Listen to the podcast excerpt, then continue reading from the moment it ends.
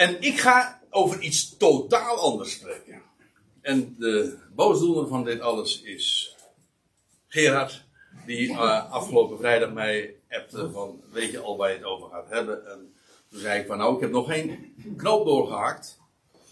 En ook geen duimen trouwens. En zo. Maar uh, daarover straks meer.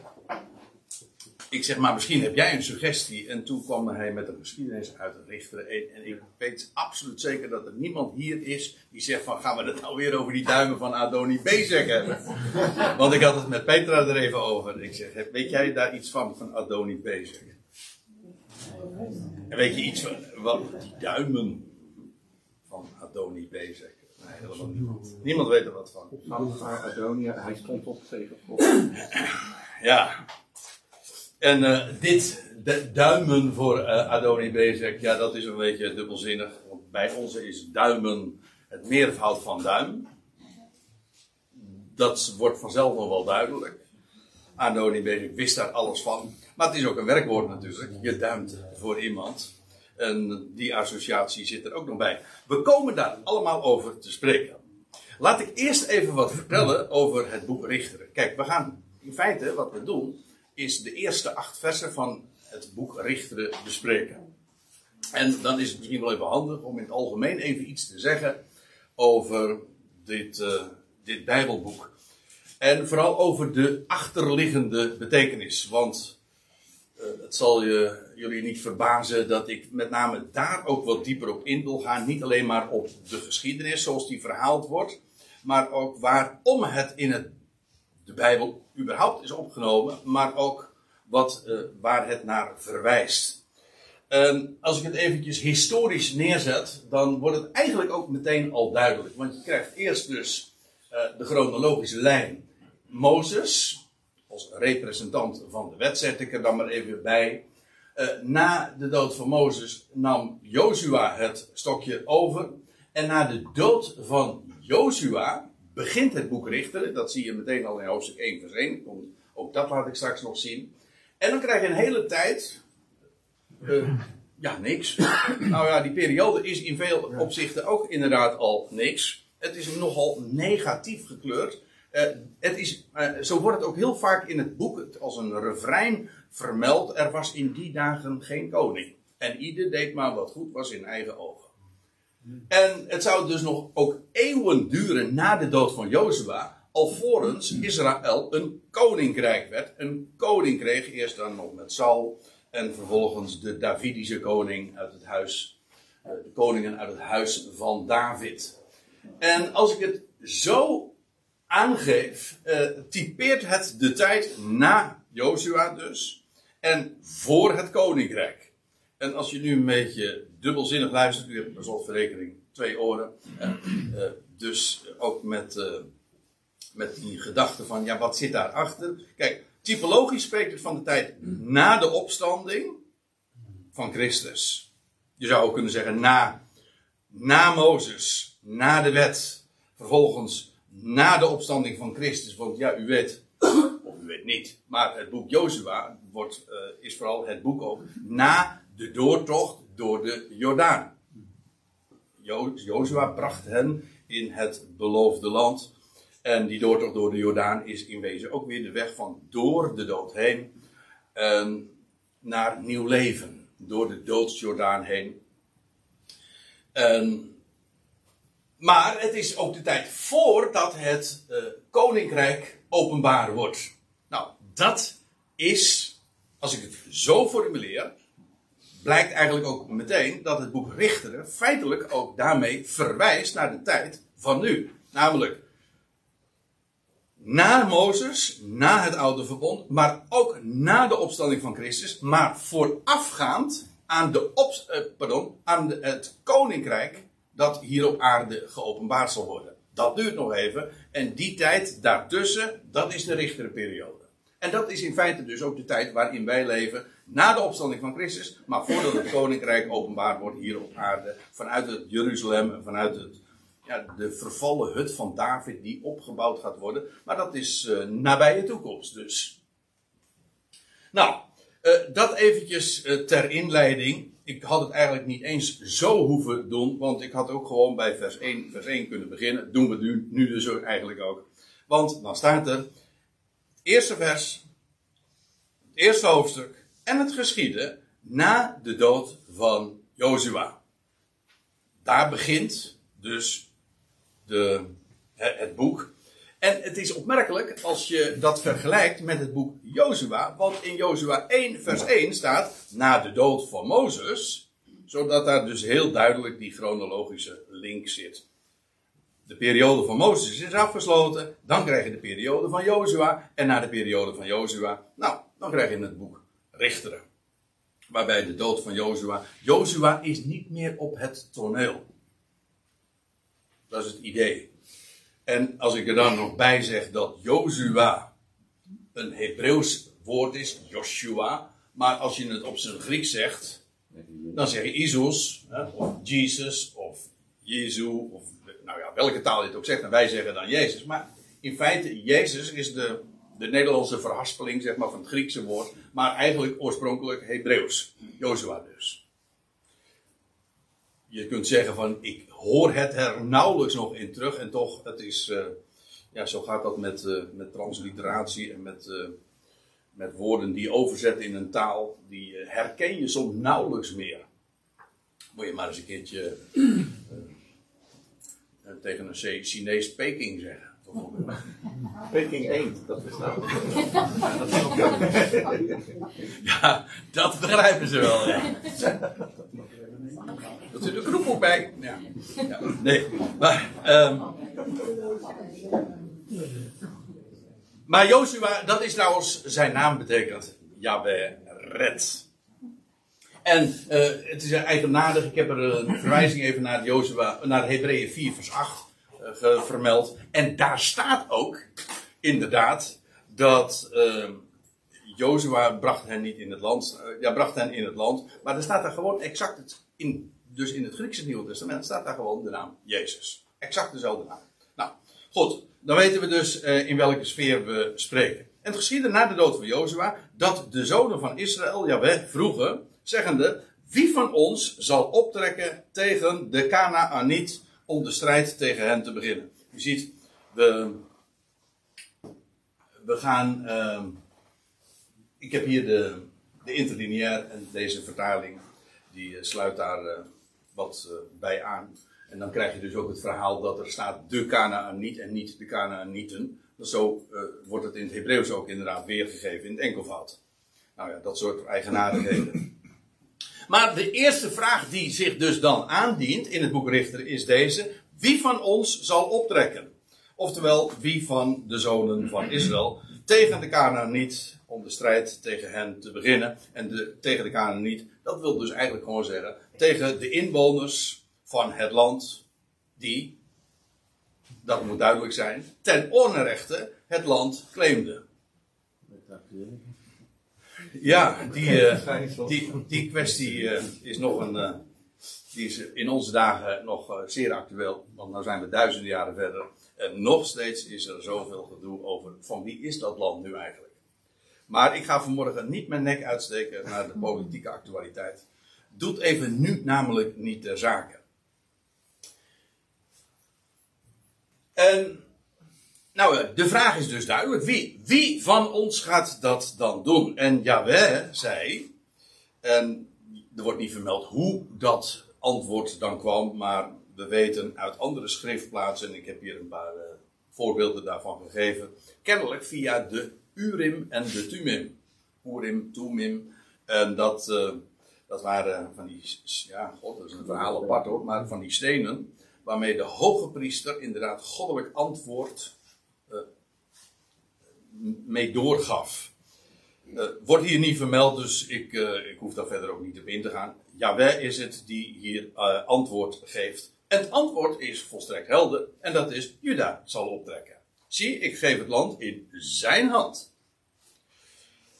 En ja, waarom dat dat antwoord klinkt, is als je het nog eventjes in je herinnering roept hoe dat ooit al bepaald was. En dan ga ik helemaal terug naar Genesis 49, honderden jaren tevoren, was al op het sterfbed van Jacob gezegd van dat aan Juda was de, de scepter toevertrouwd. Aan Juda zou de scepter, de heerserstaf tussen zijn voeten, uh, gegeven worden. Hij zou de koninklijke stam zijn.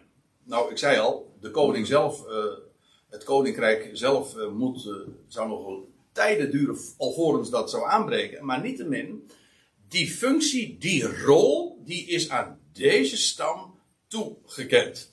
En feitelijk wat uh, het antwoord van Yahweh hier is, dat is, refereert direct aan die belofte die ooit al gegeven was op het sterfbed van Jacob.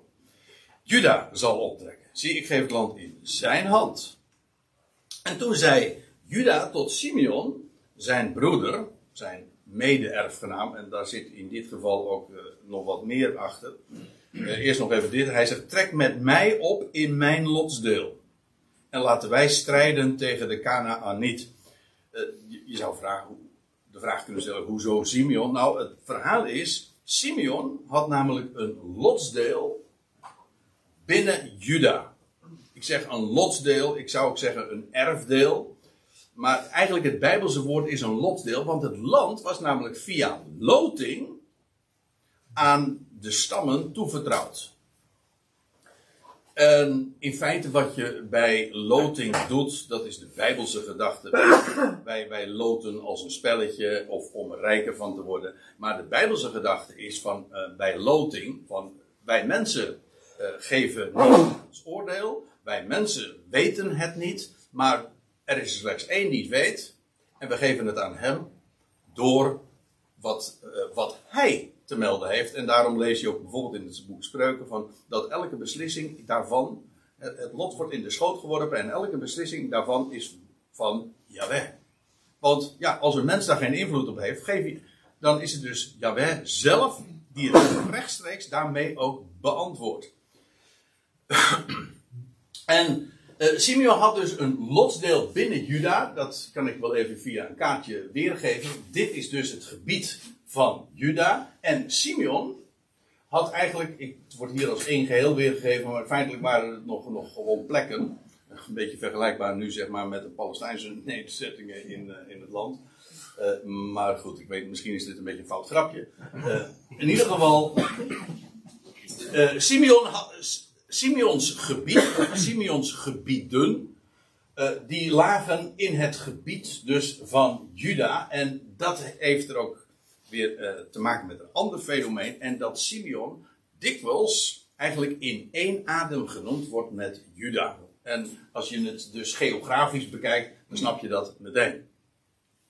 Simeon is eigenlijk helemaal omsloten, inbegrepen, geografisch dus, in uh, Juda.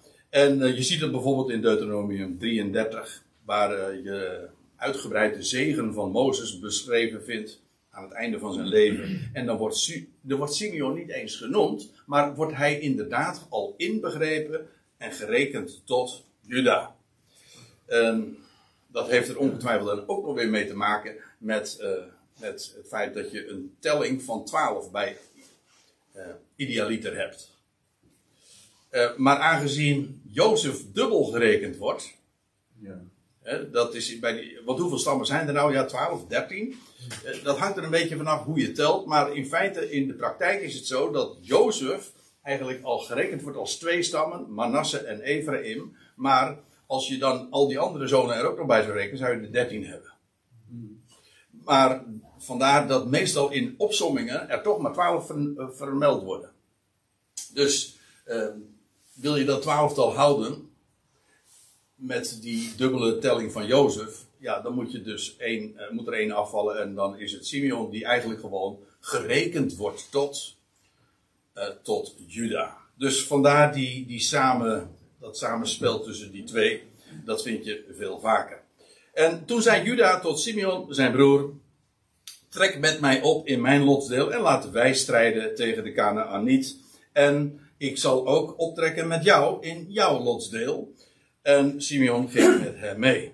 Eigenaardig, het wordt twee keer in dit ene vers wordt er gesproken over eh, jouw lotsdeel, mijn lotsdeel. En nogmaals, dat is niet een erfenis, maar dat is iets wat je door loting ten deel is gevallen. En daarmee krijgt, door het dubbel te vermelden, krijgt het extra nadruk.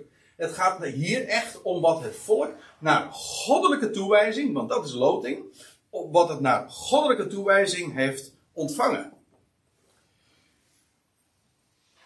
En dan staat er in vers 4, en Juda trok op, en Yahweh gaf de Canaaniet en de Pereziet in hun hand.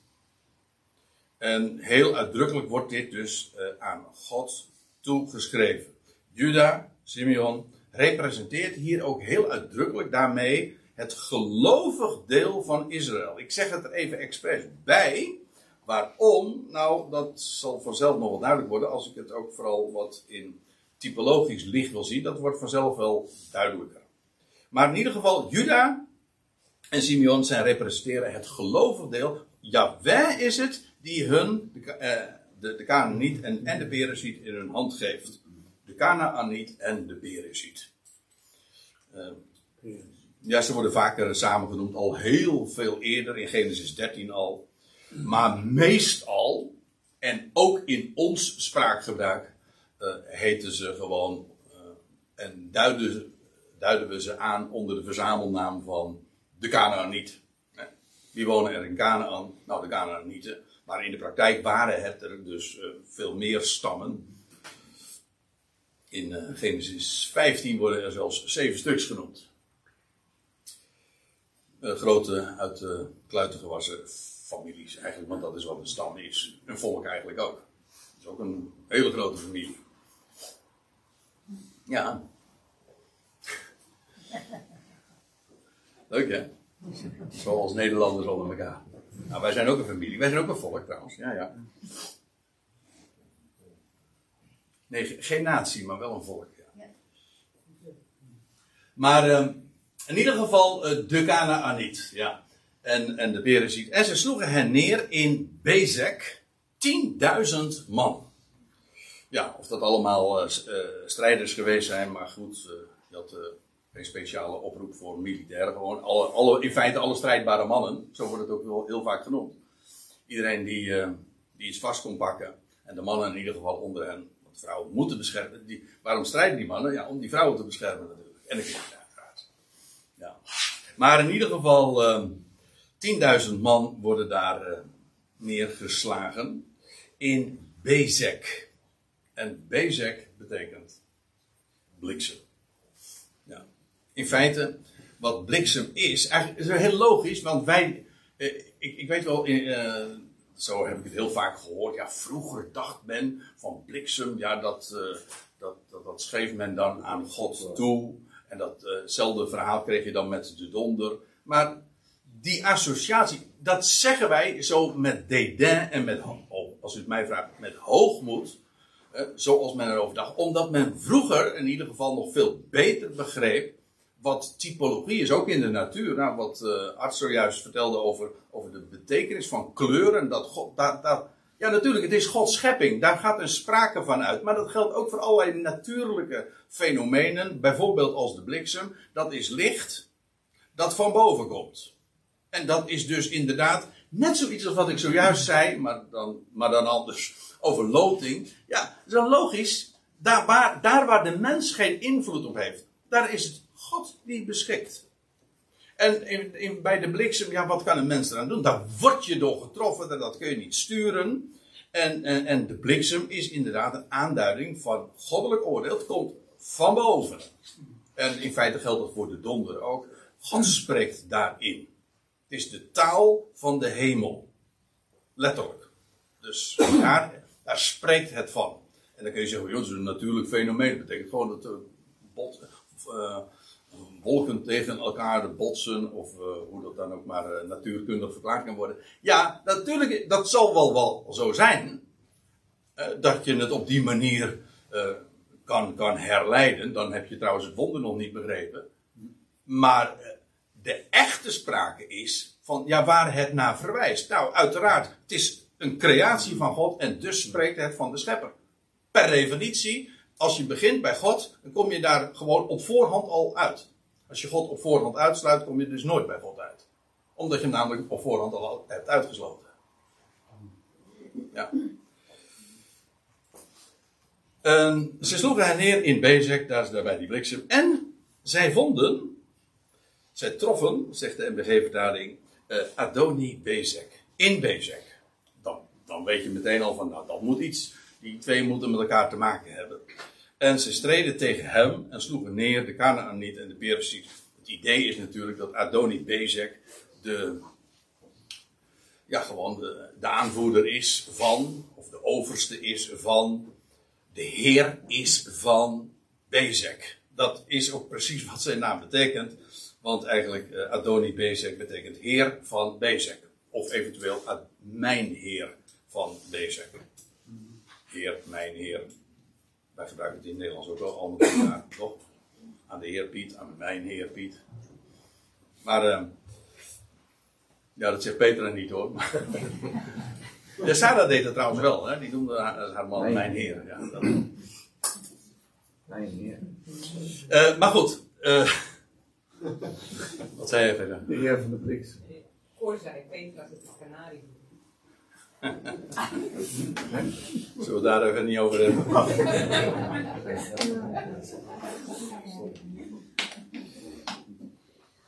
Water in toch? Uh, want ja, dat Adoni, hij is heer van Bezek. Hebreeuws is het Adon. Uh, je, het komt in allerlei talen weer uh, terug. Uh, in het Grieks Adonis. De, over Petra gesproken, dus nou ja. Noem ze jou. Ja, ja, ja, ja. ja. En, uh, en in het Spaans, en het Portugees, en het Italiaans is het Don. En trouwens, de, de vrouwelijke voorzet is Donna. Dat is mevrouw weer. Hè? Dat is die A-uitgang. En uh, in het Latijn is het Dominus. Maar ook dat is gewoon Heer. En een dominee. Nee, dat ben ik dan weer niet. Gelukkig niet. Uh, nou ja, maar het betekent gewoon Heer, ja, mijn Heer.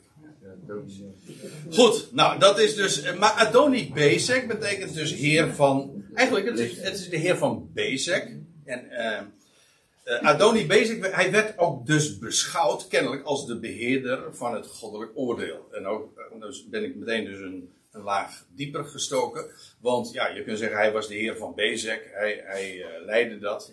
Nou ja, hij uh, moest ook het onderspit delven, maar niettemin, hij is die heer van Bezek. Maar hij werd ook beschouwd, en nou geef ik meteen al eventjes een aanwijzing prijs. Hij werd beschouwd als beheerder van het goddelijk oordeel. Heer Adoni Bezek.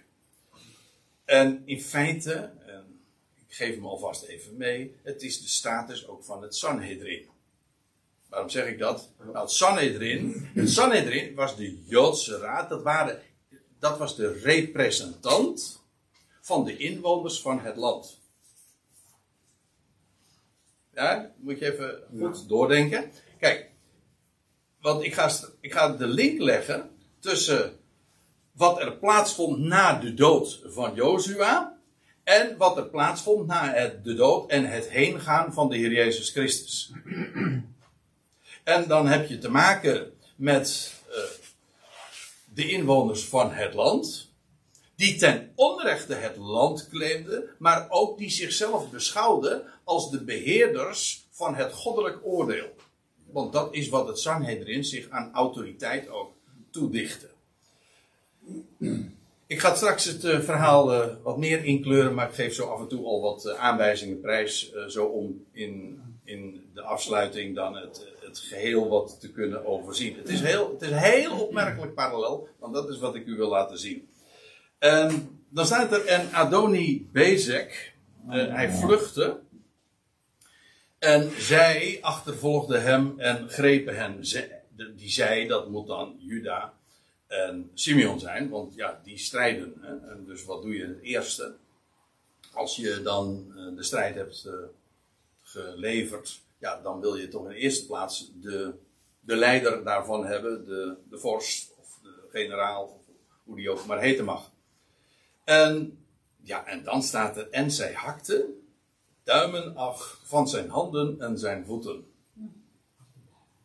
Ja, eh, dat, het eerste waar je in het Nederlands tegen aanloopt, is eh, de voeten, eh, hebben de voeten ook duimen? Jazeker. Eh in onze taal niet, maar in het Hebreeuws is, dat, is de duim en de grote teen gewoon hetzelfde, is identiek. Ehm, dus de grote teen is de duim van de voet. Ik heb dat trouwens ooit, gaf, eh, gaf ik eh, lessen aan, aan, aan Polen. En eh, die vertelde, als, ik dan, als we het dan hadden over de benaming van de lichaamsdelen. En toen kwam ik er ook achter dat bijvoorbeeld bij hen vingers en tenen gewoon hetzelfde woord is. Alleen het ene is, ja, je hebt de vingers dus van de voeten, van, de, van de handen en je hebt de vingers van de voeten. Vinden wij wat vreemd, want wij hebben daar een ander woord aan gegeven. Overigens, ik, ik heb begrepen dat vingers, dat dat weer te maken uiteindelijk afgeleid is van pink. En dat is weer de vijf. Terwijl teen weer afgeleid is van tien. Ja, tien. Tien. Ja, het Engelse, het Engelse tien dus. Teen. Tien is teen. Ja, je hebt tien tenen, maar je hebt vijf vingers aan het. Eigenaardig. Maar goed, eh, waarom je op die manier dan telt. Het totaal van, het, eh, van de, van de, tenen. Ja. En slechts één hand van de vingers. Oké. Waarbij je ook nog de vraag hebt, hoeveel vingers heb je? En de anderen zeggen, ja, vier vingers en één duim. Is, of is... Hm? Nou ja, weet ik niet. Of meestal zeggen, ja, daar gaan we het ook nog over hebben, zeg ik tegen mijn. Ja. Dus u zei toch de dikke duim? Of niet? Ja, oké. Ja, ja, Maar bij je wel, nou hoor je al. ja. Dat zit er achterin in die zaal. Maar ondertussen zitten ze mij te becommentariëren. Die zijn na de samenkomst nog niet met mij klaar. En ehm, ja, want dat is eigenaardig dan weer. Want zoals de pink de vijfde vinger dus is, is de duim, dus ja, logischerwijs, de eerste pink, hè, dat is het Griekse woord eigenlijk van, eh, ja, pink betekent eh, de vijf, eh, Pentecost, Pinkster, de vijftigste. Eh, maar de duim is de eerste. En waarom begin je hier te tellen en niet hier? Nou, omdat dit, ja, logischerwijs, dit is de eerste. En het is bovendien ook de grootste. Hè? Net als bij de grote teen. Nou, bij een normaal iemand dan zo. nou, moet dit is ook een foute opmerking natuurlijk. Waar ik boze mailtjes misschien over krijg, ik weet het niet. Maar als ik het zo zeg, de duim eh, is ja, de eerste, de grootste. En het afhakken, dat is de typologie, de, de, de symboliek daarvan. Waarom zouden. Kijk, je kunt het natuurlijk puur praktisch benaderen. Van, ja, waarom eh, die, die, werden die duimen afgehakt van, van, eh, van, van die Adoni Bezek? Hè? Nou, kijk, in het algemeen, iemand is, een aardig woord, eh, flink onthand hoor. Om als je geen duim meer hebt, want de duim is echt de, de eerste, ook qua functie, want het is de belangrijkste.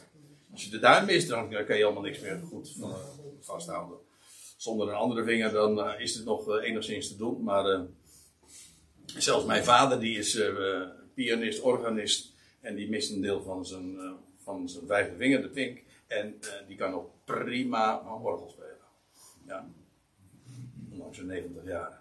Maar goed, ehm, het, het afhakken van die duim, dat typeert ook iets. Namelijk het ontnemen van de eerste plaats. Het is dus eigenlijk ook een ontering van iemand. En dat is ook vrij logisch wat, eh, wat je dan ook doet. Je neemt de eer van iemand af. In feite vooral de positie van de eerste plaats. Laat ik, een paar, laat ik een paar voorbeelden geven, want we kennen het fenomeen eigenlijk allemaal wel. Want kijk, wij steken de duim op. Ja, je kan ook nog zeggen, ja, dat is om te liften.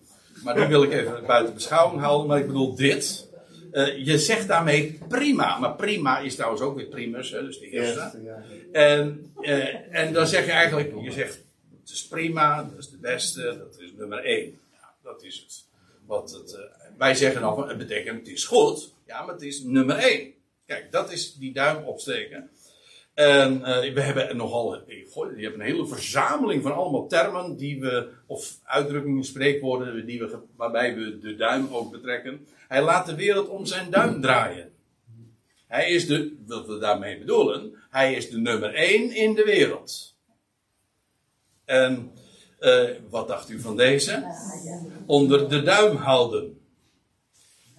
En dat betekent in feite ook, ja, je, je oefent macht uit, maar je profileert je als de eerste en daarmee ook boven de ander. De ander is onder jou en jij, eh, jij bent de eerste. En door eh, ja, die uitdrukking de onder de duim houden, eh, type, typeert dat perfect. Dus eigenlijk, we weten dat, of we realiseren ons vaak niet wanneer we dat soort, die duimen gebruiken. En trouwens, als we het hebben over dat werkwoord duimen, dan heeft dat er eigenlijk ook mee te maken. Want eh, ja, hoe doen we dat dan? Je zegt van, ik zal voor je duimen. Hè? Dat betekent ook dit. Eh, maar ook eh, de, of we zeggen dan van, ik zal je voor je duim. Maar die duim heeft een belangrijke, speelt een rol in de symboliek. Niet omdat we denken dat als we nou op onze vinger zuigen of op onze duim zuigen, dat het dan wel goed zal gaan.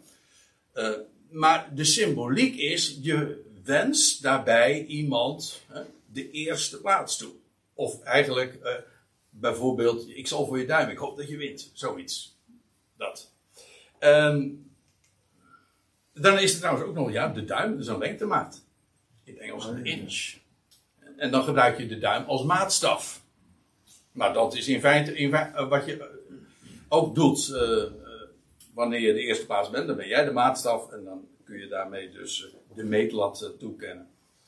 Ik kwam erachter trouwens dat er heel wat meer van die eh, maten zijn, lengtematen, die we allemaal eh, met ons lichaam associëren. Een voet, in het Engels zie je dat eh, veel sterker nog, een span, dat is de ruimte tussen je pink en je duim. Nou ja, een palm, een yard, een vaden, een L, dat is ook ons elleboog, dat is deze lengte. Dit klopt volgens mij niet, want het gaat van hier tot hier. Maar goed. Ja, die L, ja, dat, dat is het probleem met zulke maten. Die zijn nooit helemaal precies natuurlijk. Want ja, de L, de L van wie? Die, de L van een Goliath is toch echt wat groter dan. Hè? En dat geldt trouwens voor een duim ook, want een inch is geloof ik 2,5 centimeter, als ik me niet vergis, of 2,4 centimeter, zoiets.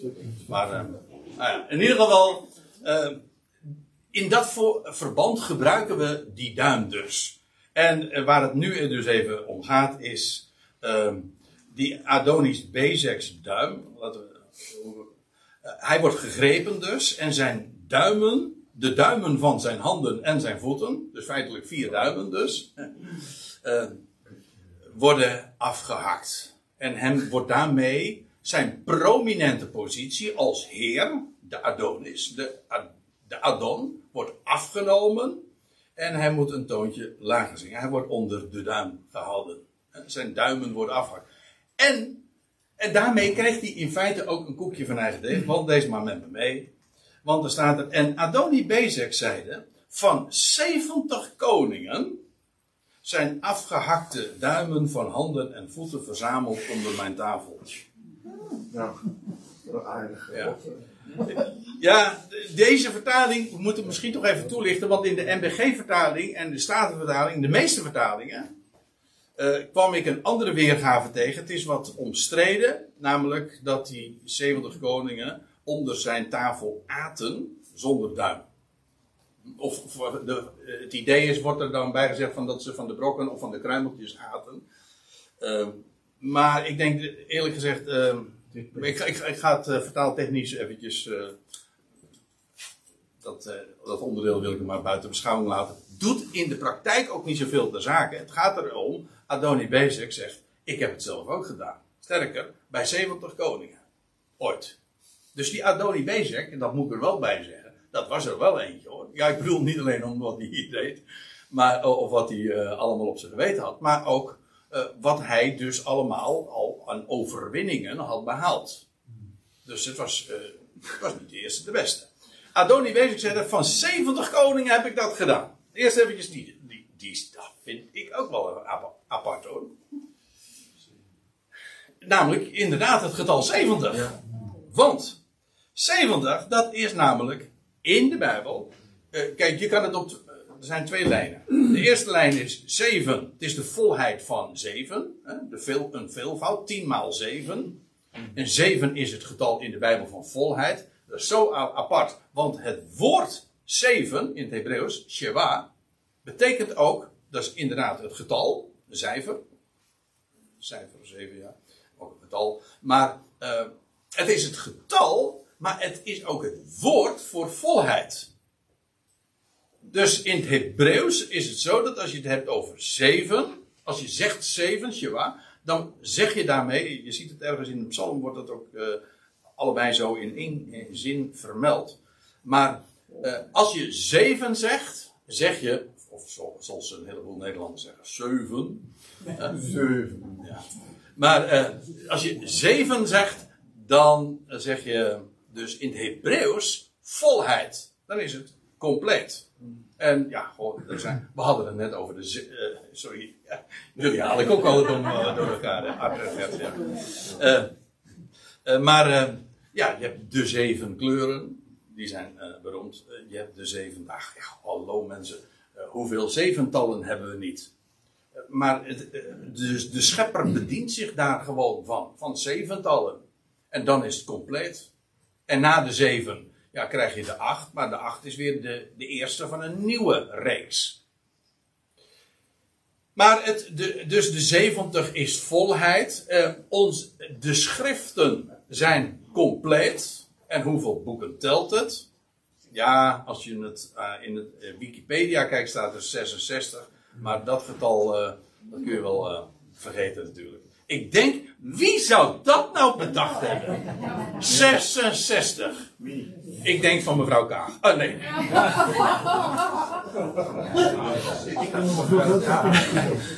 Of, eh, nee, weet ik, ik weet het niet. Maar, maar in ieder geval iemand die er geen verstand van heeft. Is- ik, ik, ik stapel de, de foute opmerkingen wel op, eh, op elkaar. Ja. Maar eh, ik ga daar lekker mee doen. In ieder geval, nee, 66 natuurlijk niet. Dat komt gewoon omdat men het boek de Psalmen als één boek rekent, terwijl de Psalmen wel degelijk vijf boeken zijn. Kijk het maar naar in uw Bijbeltje. Daar staat er het eerste boek van de Psalmen. En bij Psalm 43 staat er het, het tweede boek der Psalmen. Vijf stuks. Dus Psalmen zijn niet één boek, maar zijn vijf boeken. Dat betekent dus die telling van, van 66 boeken, dan moet je er vier bij tellen. En dan heb je 70. En dan zeg ik, dat klopt. Dat is, niet, dat is geen, niet een getal van een mens. Nee, dat is een getal, een goddelijk getal. Uiteraard. En dat is compleet. Dat is vol. En eh, ooit was het Israël die arriveerde bij Elim. En dan staat er, daar waren twaalf palmbomen. Nee, pardon. Ik zeg, nee, nee, ik zeg het verkeerd. Daar waren twaalf waterbronnen en 70 palmbomen. Dat was het. Elim. En dat was een oase. En dat betekent dus die 70 palmbomen, die hadden allemaal. Waarom stonden die daar? Nou, om- omdat daar 12 waterbronnen waren.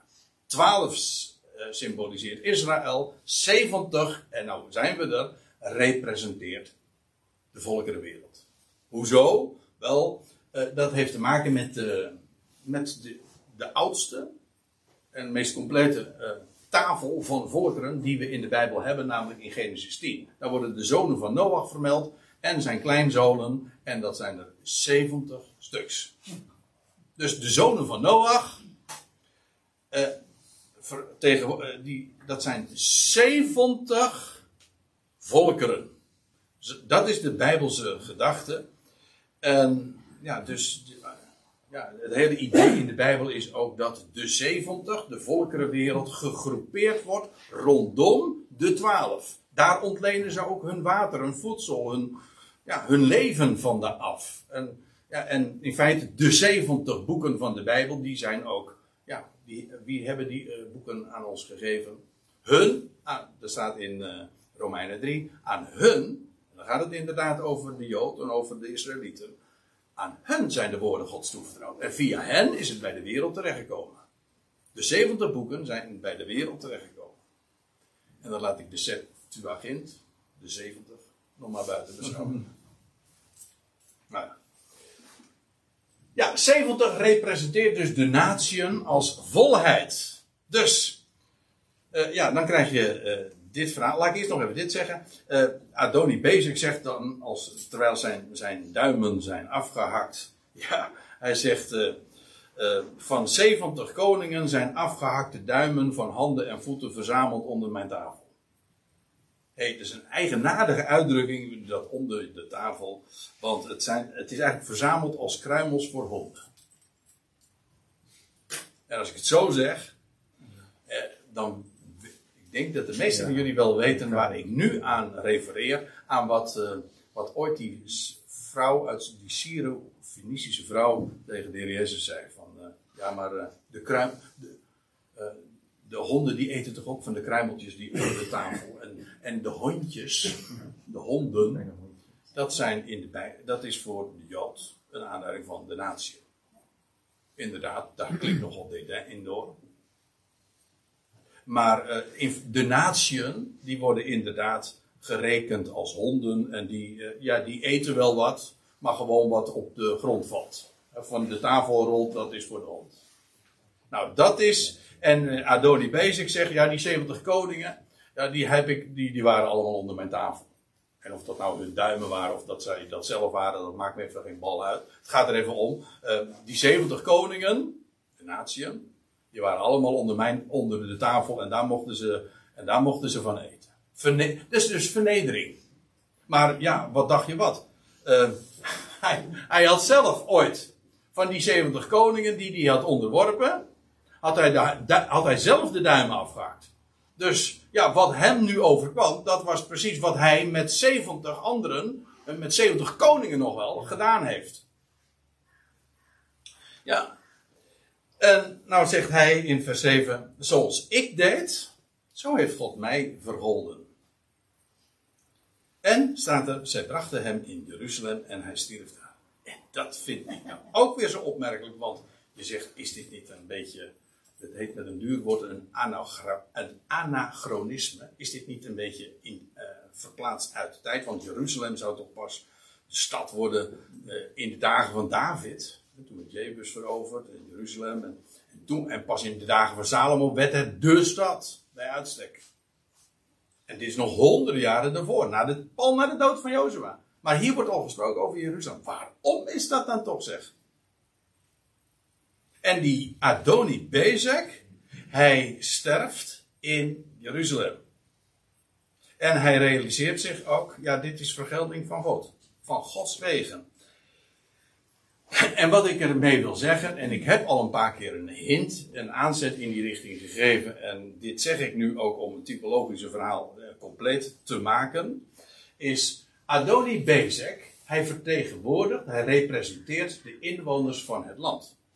Als ik het zo zeg, dan begrijp je meteen waar ik het over heb. De inwoners van het land, ja, toen in de dagen na de dood van Jozua, maar ook typologisch vertegenwoordigt hij de inwoners van het land, namelijk na de dood en het heengaan van Jezus. Ja, dus dan hebben we het over wie waren de vertegenwoordigers? Nou, dat was het Sanhedrin in Jeruzalem.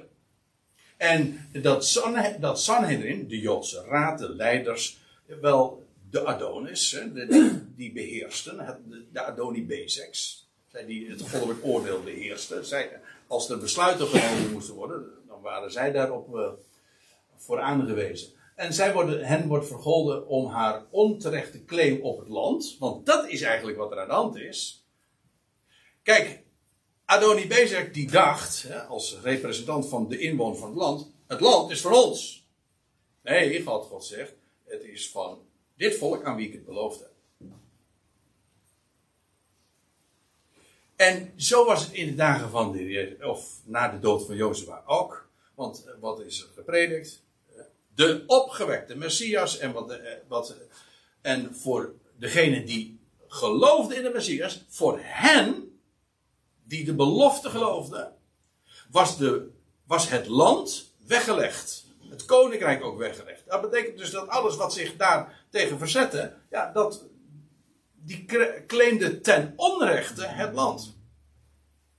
En dan ga ik toch even een politieke uitstapje maken naar de tijd van nu. In feite is dat ook nu nog steeds zo. Want degene die. Ik bedoel, wij zeggen van. Onze sympathie, ik zeg onze. gaat uiteraard uit naar, eh, naar het Joodse volk. We weten van. Ja, aan hen zijn de woorden Gods toevertrouwd. En er wacht een geweldige toekomst voor hen. Neem niet weg dat hun claim op het land onterecht is. Er zijn ultra-orthodoxe Joden die dat ook inderdaad donders goed weten. En die zeggen van ja, wij zeggen dat nou wel, het is van ons. Maar dat is helemaal niet zo. Dat, het, is, het land is van God en hij geeft het aan degene die op hem vertrouwt. En dat geeft hij trouwens ook. Nou ja, dus eh, in feite is dat verhaal nu nog steeds eh, eh, het geval. En dat Sanhedrin claimt niet alleen ten onrechte het land, maar ze waren ook hoogmoedig ten opzichte van de natie. De 70.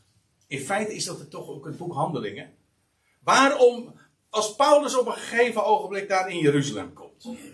In Handelingen 21 is dat, 22. En dan wordt hij daar gevangen genomen. En dan mag hij op een gegeven ogenblik zich, verantwoorden.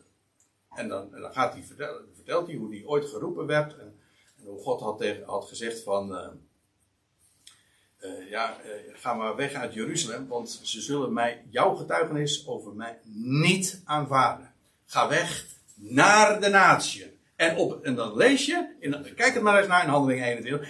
En ze hoorden hem aan tot dit woord, toen hij het had over de natieën. En dat hij dus Jeruzalem terzijde moest stellen.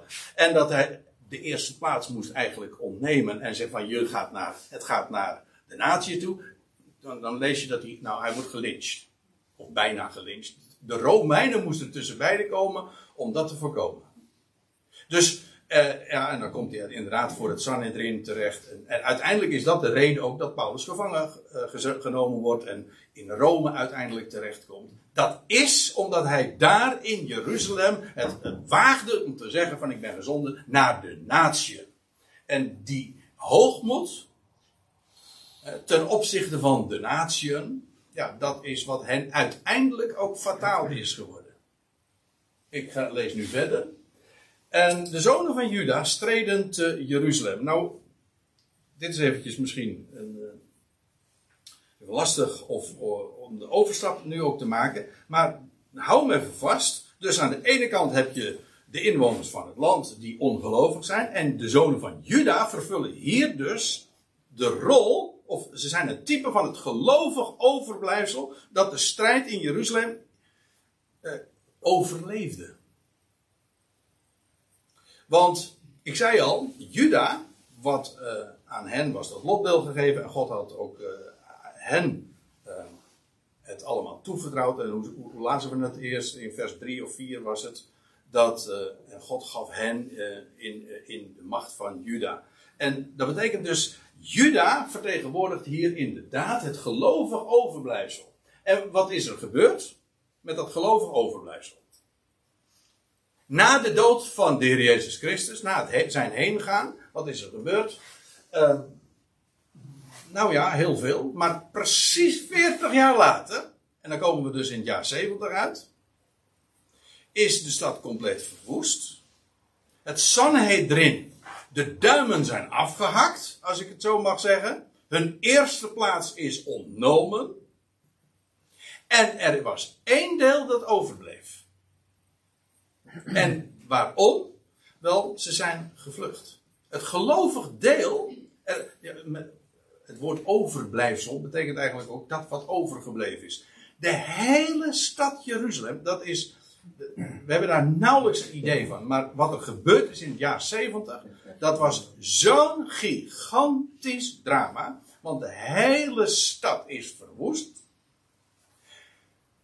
De inwoners zijn allemaal omgekomen of als slaven verkocht, met name daar in, Egypte. Waar, het ooit, ze, ooit trouwens als slaven waren verlost. Maar, en het was zelfs zo dat de, de prijs van de slaven in die dagen zo laag was vanwege het gigantisch aanbod. Er waren zoveel slaven, dus eh, eh, je, je betaalde daar helemaal niks meer voor. Omdat er vanwege de Joden die in Jeruzalem eh, als slaaf verkocht waren. Zij die nog overleefd hadden, eh, maar goed, vervolgens als slaaf verkocht eh, werden. Er was één deel dat daar geen last van heeft gehad.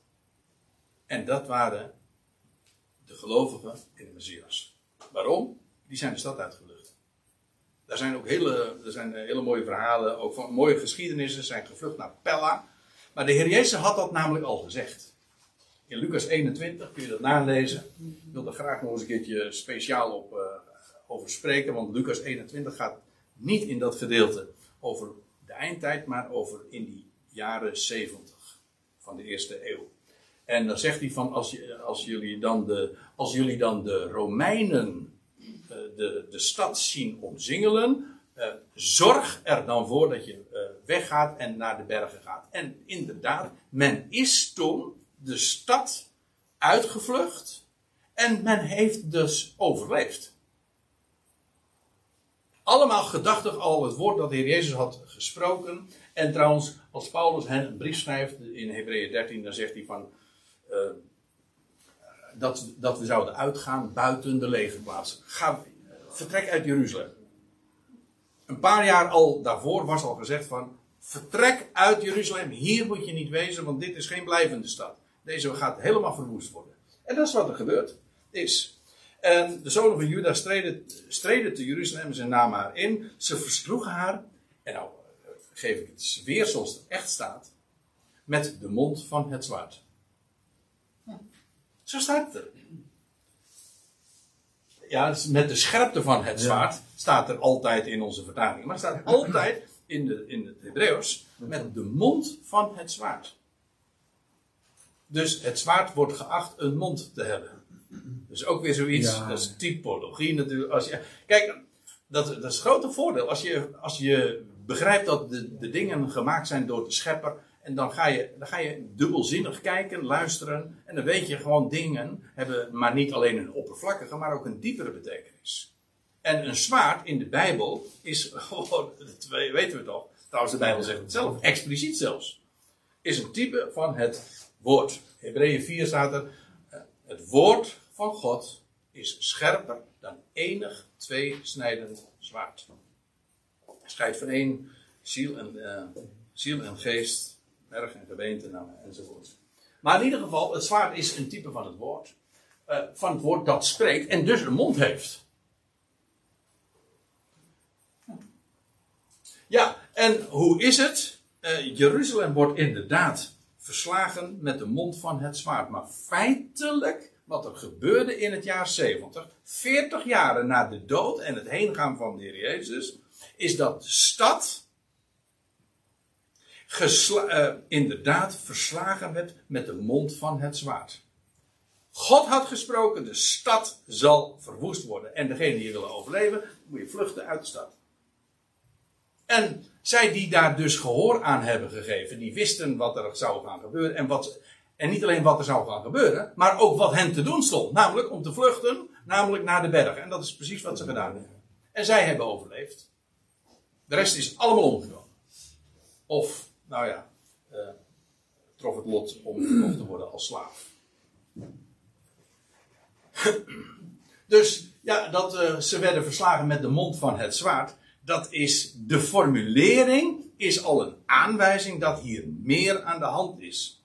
Het gaat over het woord van God dat gesproken had. En daardoor vielen zij. Want het was voorzegd. 40 jaar tevoren. Precies een generatie. En ze staat er nog bij en ze staken de stad in brand. Maar dit is pure parallelisme. Want het betekent gewoon dat wat er gebeurde in de dagen na de dood van Jozua een exacte parallel heeft met wat er plaatsvond na de dood van, en het heengaan van de Heer Jezus. Want wat er gebeurde is dat inderdaad de stad Jeruzalem verslagen werd door de mond van het zwaard, zoals voorzegd. Maar ook dat het helemaal in vlammen opging. Ze staken de stad in brand. Dat was het lot, lot van de stad in 70 AD, Anno Domini. Ja, en hier heb je een plaatje van die stad, hoe dat er in die dagen ongeveer uitgezien moet hebben. Vanuit de lucht, het plaatje is niet al te helder, zie ik. Op mijn scherm beter, maar uh, dit is eigenlijk wel een hele aardige aanduiding, want dit is. Nee, dat zien we zo niet. Maar in ieder geval, hier heb je dus eh, de Olijfberg, deze kant. En dit is waar nu de Dam of the Rock staat, dus die rotskoepel. En hier staat dan de. Hier stond de tempel. En als u mij vraagt, gaat die daar binnenkort weer staan. Hier een tempel. En dat hier nog zo'n geweldige brug vanaf de, vanaf de tempel naar de Olijfberg. Dus je hoeft er niet helemaal door dat, dat Kidrondal doorheen. Maar eh, nou ja, dat is allemaal bekend, omdat daar, we hebben daar uitgebreide verslagen van in de boeken van eh, Flavius Josephus, die dat allemaal als eh, ooggetuige heeft gezien en uitgebreid ook heeft beschreven hoe dat het in die dagen, juist in het jaar 70 allemaal heeft uitgezien. En eh, ja, en wat er toen, er zijn heel veel plaatjes van te zien. Die stad is helemaal afgebroken, er is geen steen op de andere gebleven. En helemaal ook in vlammen opgegaan.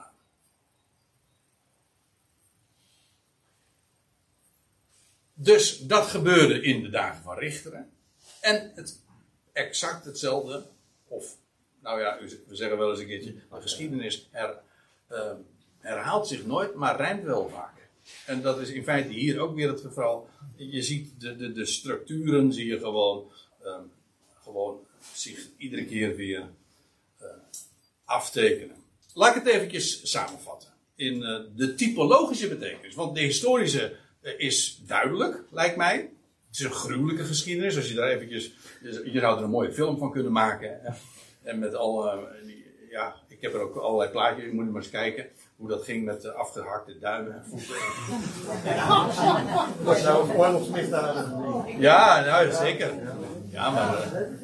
Uh, ja, dus, uh, ik kan ik echt aanraden. Die film. Nee. Nee, nee, daar moet je niet, de, niet te veel je ogen bij dicht doen om het gewoon voor je te zien. Maar je kunt je wel voorstellen, dit, dit zijn lugubere geschiedenissen. En als ik u dan vertel dat er in het boek Richteren, wat dat betreft, echt een kampioen is onder de Bijbelboeken. Want uh, in die dagen is er ook wat gebeurd hoor. Dat is typologisch trouwens voor de hele tijd tussen Jozua en de, het koninkrijk. Ja. Maar, goed. Laten we het typologisch nog eens eventjes samenvatten. Je hebt dus uh, Jozua 1, vers 1, dat lees je dan de dood van Jozua. En in het jaar 30, dit is dan de typologische vervulling daarvan, hebben we de dood van die Heer, maar uiteraard dan ook zijn opstanding, want dat vond allemaal in dezelfde jaar uiteraard plaats, op de derde dag. Ja. En dan krijg je uh, vervolgens, na de dood van Jozua, dat uh, aan Juda wordt de eerste plaats toegekend. Maar hoe ging het ook alweer in het boek Handelingen? Eerst de Jood. Toch? Voor hen was de belofte. Eerst de Jood. Nou, dat is uh, precies wat er ge gepredikt wordt. En dan is het vervolgens Adoni Bezek die vernedert 70 koningen. Dat wordt dan weliswaar en passant eventjes nog terugblikkend vermeld. Maar hij vernedert 70 koningen. Precies ook wat, dat is parallel met het Sanhedrin. Die de, de inwoners van het land representeert. Vernedert de natieën. Ik bedoel, die afgehaakte duimen is inderdaad een embleem van die vernedering. Het ontnemen van de eerste plaats. En dan wordt Adoni Bezek uh, vergolden in Jeruzalem. Precies zoals het, ook het Sanhedrin is gegaan. Ook dat krijgt de vergelding in Jeruzalem. Allemaal in diezelfde generatie nog. En vervolgens wordt de stad, valt de stad door het zwaard. Door de mond van het zwaard, even correct gezegd. En het wordt in de hens gestrapt. Wordt verbrand. En dat vond, heeft zijn typologische tegenhanger in het jaar 70. Want toen gebeurde exact hetzelfde. De stad viel door het zwaard en werd verbrand. Zodat de eerste versen, dat is het laatste wat ik erover wil zeggen. Zodat de eerste acht versen van het boek Richteren in feite al um, de toon zet voor het hele boek. Zo zal het gaan. En in feite, die eerste acht versen zijn een beschrijving van wat er ooit gebeurde na de dood van Jozua En, en dat resulteerde dan in de val van Jeruzalem. Nou, dat is precies ook wat er gebeurde in de dagen van de handelingen. De boodschap ging eerst naar de Jood, maar uiteindelijk uh, de stad viel en werd compleet verbrand. Zodat je daarmee ziet dat de schrift absoluut samenhangend is. Dit soort uh, verbanden, dit soort structuren, de, oppervlakkige lezer ontgaat dit compleet. Maar als je de schriften kent en vergelijkt, ja, dan tekent zich dit af en dan kun je alleen maar diepe achting hebben voor de auteur van dat complete 70 boeken tellende bibliotheek. En daar wilde ik het graag bij laten.